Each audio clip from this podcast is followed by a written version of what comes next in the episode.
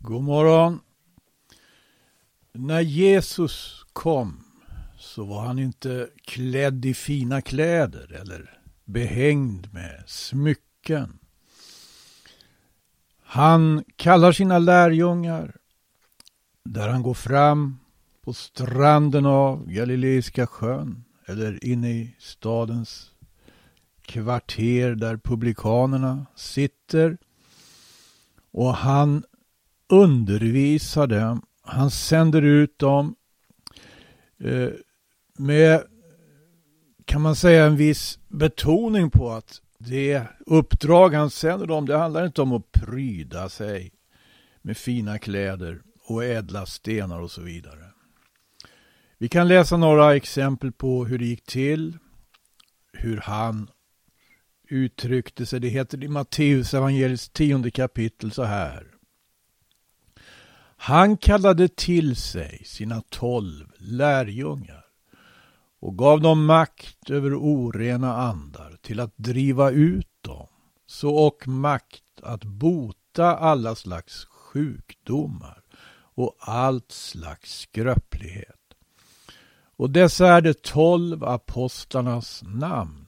Först Simon, som kallas Petrus, och Andreas hans broder. Vidare Jakob, Sebedeus son, och Johannes hans broder. Filippus och Bartolomeus, Thomas och Matteus, publikanen. Jakob, Alfeus son, och Lebeus, Simon ivraren, och Judas Iskariot, densamme som förrådde honom.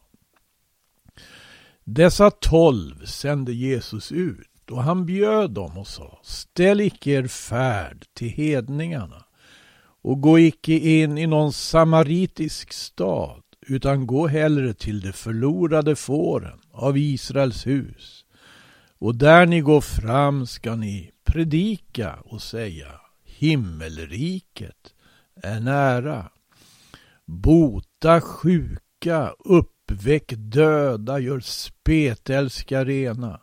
Driv ut onda andar. Ni har fått förintet, så giv och för intet.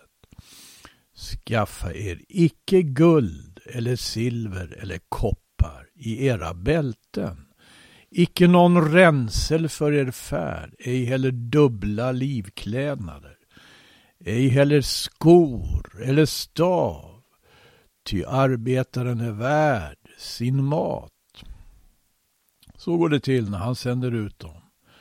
Med en utrustning som inte är påtagligt materiell, men verkligen mycket påtagligt andlig. Och I Lukas evangeliet har vi ett par exempel på samma slags utsändande. Dels handlar det om det tolv i kapitel 9 i Lukas. Det står ifrån början när han kallade tillhopa det tolv och gav dem makt och myndighet över alla onda andar så och makt att bota sjukdomar. Och han sände ut dem till att predika Guds rike och till att bota sjukdomar. Och han sa till dem, ta ingenting mer på vägen. Varken stav eller ränsel eller bröd eller penningar och ha icke heller dubbla livklädnader. Och när ni har kommit in i något hus så stanna där till dess ni lämnar den orten. Och om man någonstans inte tar emot er så gå bort ifrån den staden och skudda stoftet av era fötter till ett vittnesbörd mot dem. I Lukas 10 så heter det att han sände ut 72 andra. Han sände ut dem framför sig två och två till var stad och ort dit han själv tänkte komma. Han sa, skörden är mycken, men arbetarna är få. Bed för den skull skördens herre, att han sänder ut arbetare till sin skörd. Gå och stad, se jag sänder er såsom lamm mitt in ibland ulvar. Bär ingen penningpung, ingen ränsel, inga skor och hälsa icke på någon under vägen. Men när ni kommer in i något hus, så säg först frid vare över detta hus. Om då någon finns där inne som är frid värd, så ska den frid ni tillönska vila över honom. Varom icke, så ska den vända tillbaka över er själva. Och stanna kvar i det huset och ät och drick vad det har att ge. Ty arbetaren är värd sin lön. Gå icke ur hus i hus. Och när ni kommer in i någon stad där man tar emot er, så ät vad som sätts fram åt er. Och bota de sjuka som finns där och säg till dem, Guds rike är er nära. Men när ni kommer in i någon stad där man inte tar emot er, så gå ut på dess gator och säg, till och med det stoft som låder vid våra fötter ifrån er stad skakar vi av oss åt er. Men det må ni veta att Guds rike är nära. Jag säger er att det för Sodom ska på den dagen bli drägligare än för den staden. Ve dig Korasin, ve dig Betsaida. För om de kraftgärningar som är gjorda i er hade blivit gjorda i Tyrus och Sidon så skulle det för länge sedan ha suttit i säck och aska och gjort bättring. Men också ska det vid domen bli drägligare för Tyrus och Sidon än för er. Och du Kapernaum, ska väl du bli upphöjt till himmelen? Nej, ner till dödsriket måste du fara. Den som hör er, han hör mig. Och den som förkastar er, han förkastar mig. Men den som förkastar mig, han förkastar honom som har sänt mig. Tre här infallsvinklar på hur Jesus sände lärjungar. Tolv ena gången, Två andra gången. Och Lukas eh, ger dem, redogör för båda de här tillfällena. Och som sagt, skaffa er icke, sa han, skaffa er icke guld eller silver eller koppar i era bälten och ädla stenar lyser alldeles med sin frånvaro i det här uppdraget. Däremot så har vi för den skull vi har fortfarande att göra med stenar, men vilket slags stenar är det? Eh, som i Jesu liknelse om arbetarna i vingården då han citerar den 118 salmen. Så får vi klart för oss att det finns en sten, det finns en hörnsten. Det finns en sten, den sten som byggningsmännen förkastade den har blivit en hörnsten. Stenen som byggningsmännen förkastade. Det här är verkligen ett tema. Och det är ett tema också hos apostlarna. Och vi kan läsa hur i Efesiebrevet aposteln Paulus skriver på detta vis i andra kapitlet från vers 19.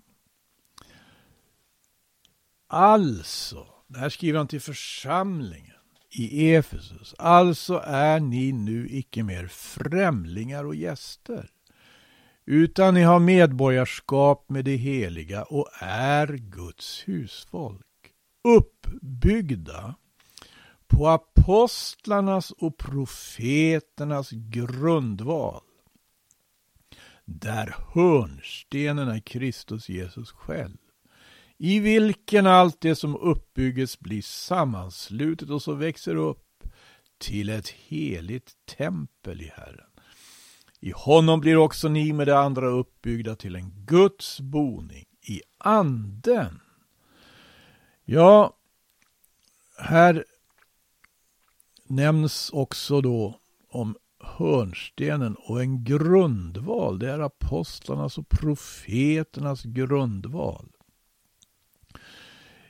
Aposteln Petrus skriver i sitt första brev och i andra kapitlet eh, och ger oss en mycket intressant infallsvinkel på detta. Han skriver så här ifrån början där. Så lägg då bort all ondska och allt svek och skrymteri och avund och allt förtal.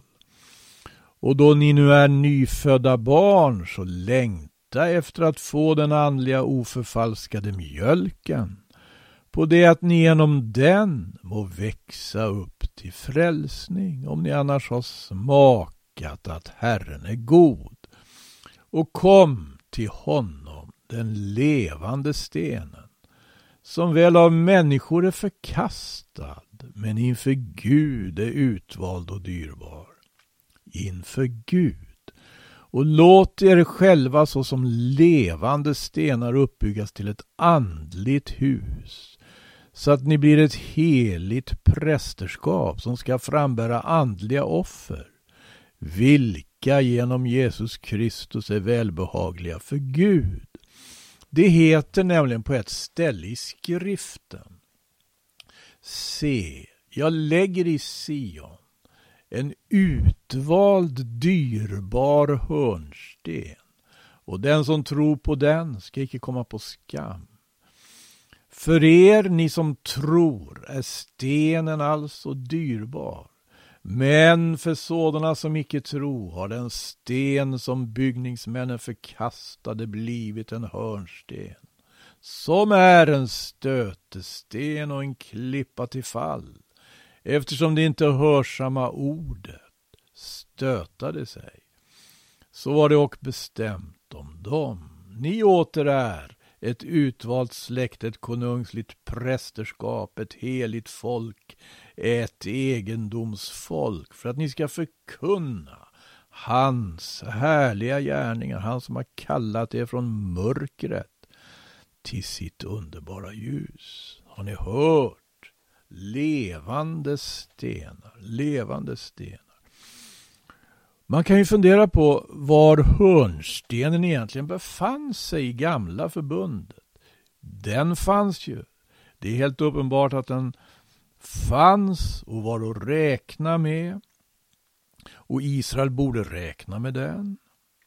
De skriftlärde borde räkna med den. Överste prästerna borde göra det också.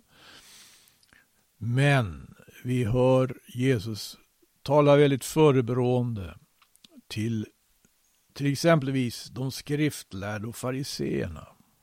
När han anklagar dem i Matteus evangeliets 23 kapitel, verserna 29 till 31, så säger han som så.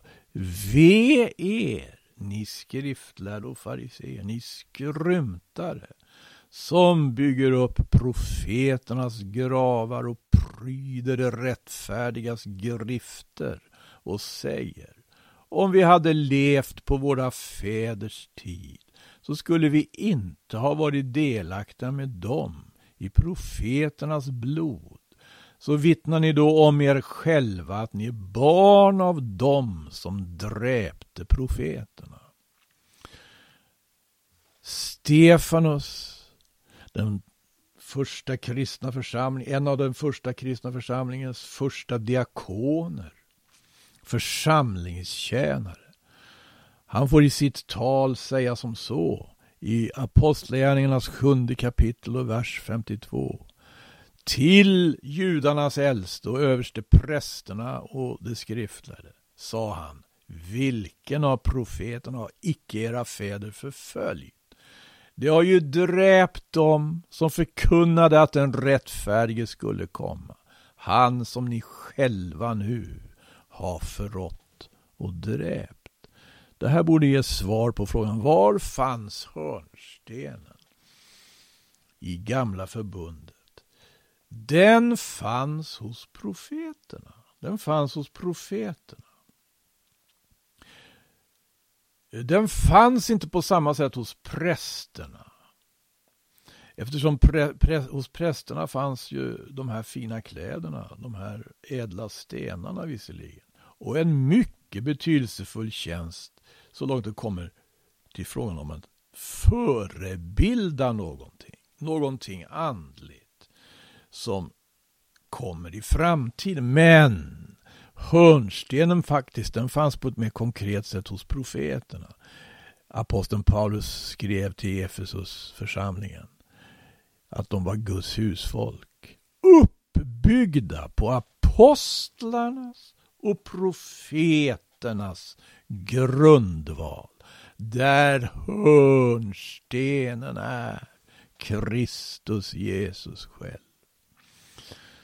Det här, jag tycker det är enormt. Och vi, vi har alltså att göra med, Efesos församling fick klart för det här att Eh, var uppbyggd på apostlarnas och profeternas grundval, där hörnstenen är Kristus Jesus själv. Det ska inte behöva finnas alltså i den kristna församlingen någon distans till hörnstenen.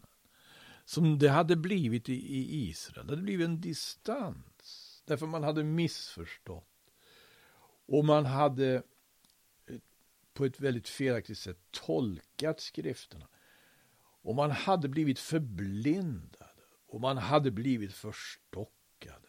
För Jesus, när han kom, den som enligt löftena kom för att vara en frälsare åt Israel och inte bara åt Israel. Aposteln Johannes skriver ju i sitt brev Vi, skriver han, har själva sett och vi vittnar om att Gud har sänt sin son till att vara världens frälsare.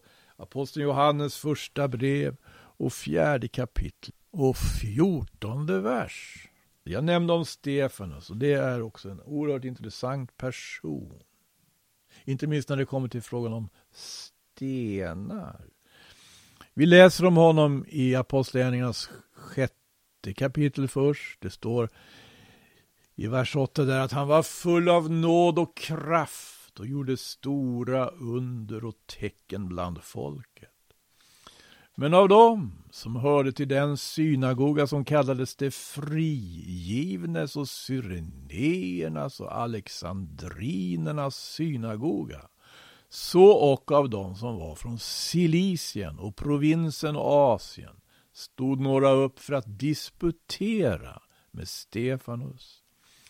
Dock förmådde de icke stå emot den vishet och den ande som här talade. Då skaffade de några män som föregav att de hade hört honom tala hediska ord mot Mose och mot Gud. De uppeggade så folket och de äldste och de skriftlärde och överföll honom och grep honom och förde honom inför stora råd. Vilka blev uppeggade? Det äldste och det skriftlärde och folket och det förde honom inför stora råd, inför översteprästen. Där lät de falska vittnen träda fram, vilka sa denne man upphör inte att tala mot vår heliga plats och mot lagen. Ty vi har hört honom säga att Jesus, han från Nasaret, ska bryta ner denna byggnad och förändra det stadga som Mose har givit oss.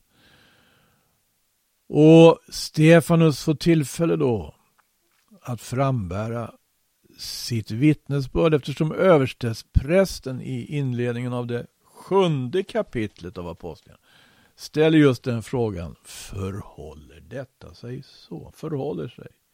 Förhåller det sig på det här sättet?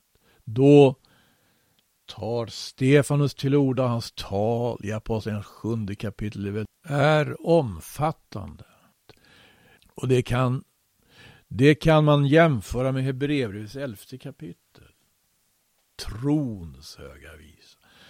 Men det är inte riktigt detsamma. Det är inte riktigt samma betoning i elfte kapitlet av Hebreerbrevet. Där tron betonas, som i Apostlagärningarnas sjunde kapitel, där vittnesbördet betonas. Det vittnesbörd som innebar ett martyrium.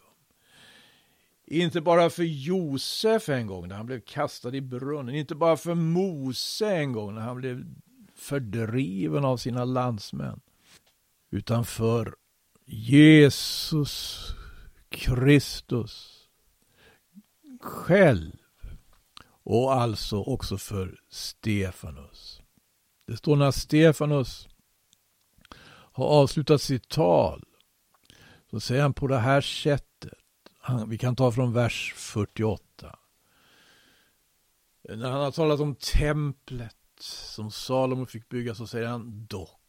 Den högste bor icke i hus som är gjorda med händer. För det är så som profeten säger. Himmelen är min tron och jorden är min fotapall. Varför ett hus skulle ni då kunna bygga åt mig, säger Herren, och varför en plats skulle tjäna mig till vilostad. Min hand har ju gjort allt detta.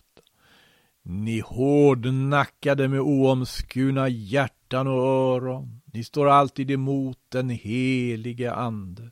Ni lika väl som era fäder. Vilken av profeterna har icke era fäder förföljt? Det har ju dräpt dem som förkunnade att den rättfärdige skulle komma, han som ni själva nu har förrått och dräpt. Ni som fick lagen er given genom änglars försorg, men inte ha hållit den. När de hörde detta blev de mycket förbittrade i sina hjärtan och bet sina tänder samman mot honom. Mm, ja, och vad hände då? Det stenade honom. Det står det för i 38 versen. Det förde honom ut ur staden och stenade honom. Stenregnet som föll över Stefanus. Det kan hjälpa oss få perspektiv på frågan om stenar. Det är ju den frågan vi är inne på. Det är ämnet som jag har velat säga något om. Stefanus hade ju detta budskap. Tänk på det. Det han säger enligt Apostlagärningarnas sjunde kapitel och 48 vers. Där det står Dock, den högste bor icke i hus som är gjorda med händer. Det här är ett uttalande som man kan kalla för radikalt. I och med att han säger detta, den högste bor inte i hus gjorda med händer, då handlar det om ett ställningstagande. Detta stör judarnas skriftlärde och äldste och överstepräster. Stefanus liksom förkastar detta hus som redan Mose fick befallning om att göra. Först i form av ett tält, ett tabernakel och Salomo kom att bygga huset med just tabernaklet och dess symboler som en bestämd förebild. Nu säger Stefanus, den högste bor icke i sådana hus som är gjorda med händer. Och det innebär att allting som detta hus rymmer, allt det som stadgades om detta hus, om altaren och om offren, om prästerna och leviterna som gjorde tjänst där, det sa Stefanus ett suveränt nej till. Han sa nej. Han sa icke genom att åberopa profeterna. Han citerar strax efter detta uttalande profeten Jesajas bok, inledningen till sista kapitlet i den boken. Skulle det vara någon slags konflikt mellan prästerna och profeterna i historien? Det behövde det inte vara. En del profeter var ju präster, men det blev inte sällan konflikt. Jeremia fick ett skarpt budskap åt just detta hus. Han närmast raljerade med vissa attityder. Han sa Förlita er icke på lögnaktigt tal när man säger Här är Herrens tempel, Herrens tempel, Herrens tempel. Medan det pågick så mycket som var orätt och ont där. Den här versen finner du någonstans i Jeremias sjunde kapitel. Och vem var det som utbrast? Ack, att någon ville stänga tempeldörrarna så att ni inte längre förgäves upptänder er eld på mitt altare. Var inte det Malaki? På detta vis uttrycker sig den profetiska anden. Det var en sådan profetisk ande som talade genom Stefanus. Han sa den högste bor icke i hus som är gjorda med händer.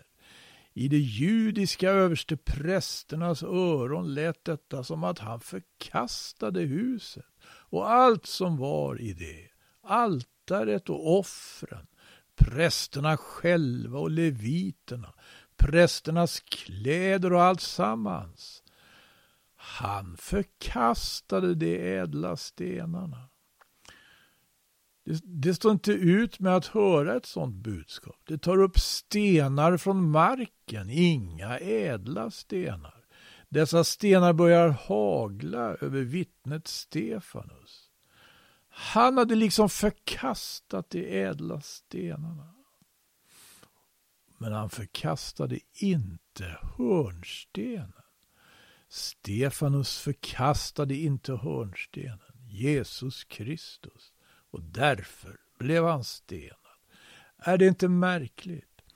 I Getsemane örtagård talade Jesus om mörkrets makt som hade fått tillfälle det är så att mörkrets makt som en gång befann sig i Eden, Lucifer, innan han föll, han vandrade omkring bland gnistrande eller brinnande stenar och han var själv höljd i ädla stenar.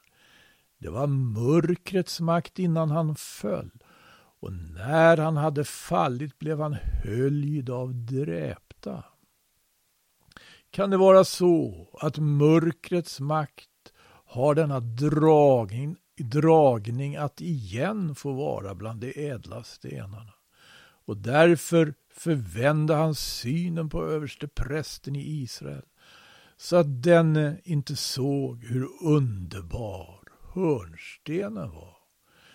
Hur många har mörkrets makt förvänt synen på under århundradenas lopp? Hur många kristna ledare? Finns inte dragningen mot ädla stenar snarare än troheten mot hörnstenen där? Jag kan nämna ett exempel. 1700-talspåven Benediktus den trettondes bröstspänne. Detta finns utställt bland många andra kyrkliga klenoder på olika hemsidor. Det bröstspännet har mer än nio ädla stenar. Det har också mer än tolv ädla stenar. Det har sjutton ädla stenar om jag inte misstar mig. Nu, nu har vi verkligen kommit långt, har vi inte? Men är detta representativt för Kristus? Han som sa till sina apostlar Skaffa er icke guld eller silver eller koppar i era bälten. Icke, sa Herren Jesus. Icke, sa Stefanus.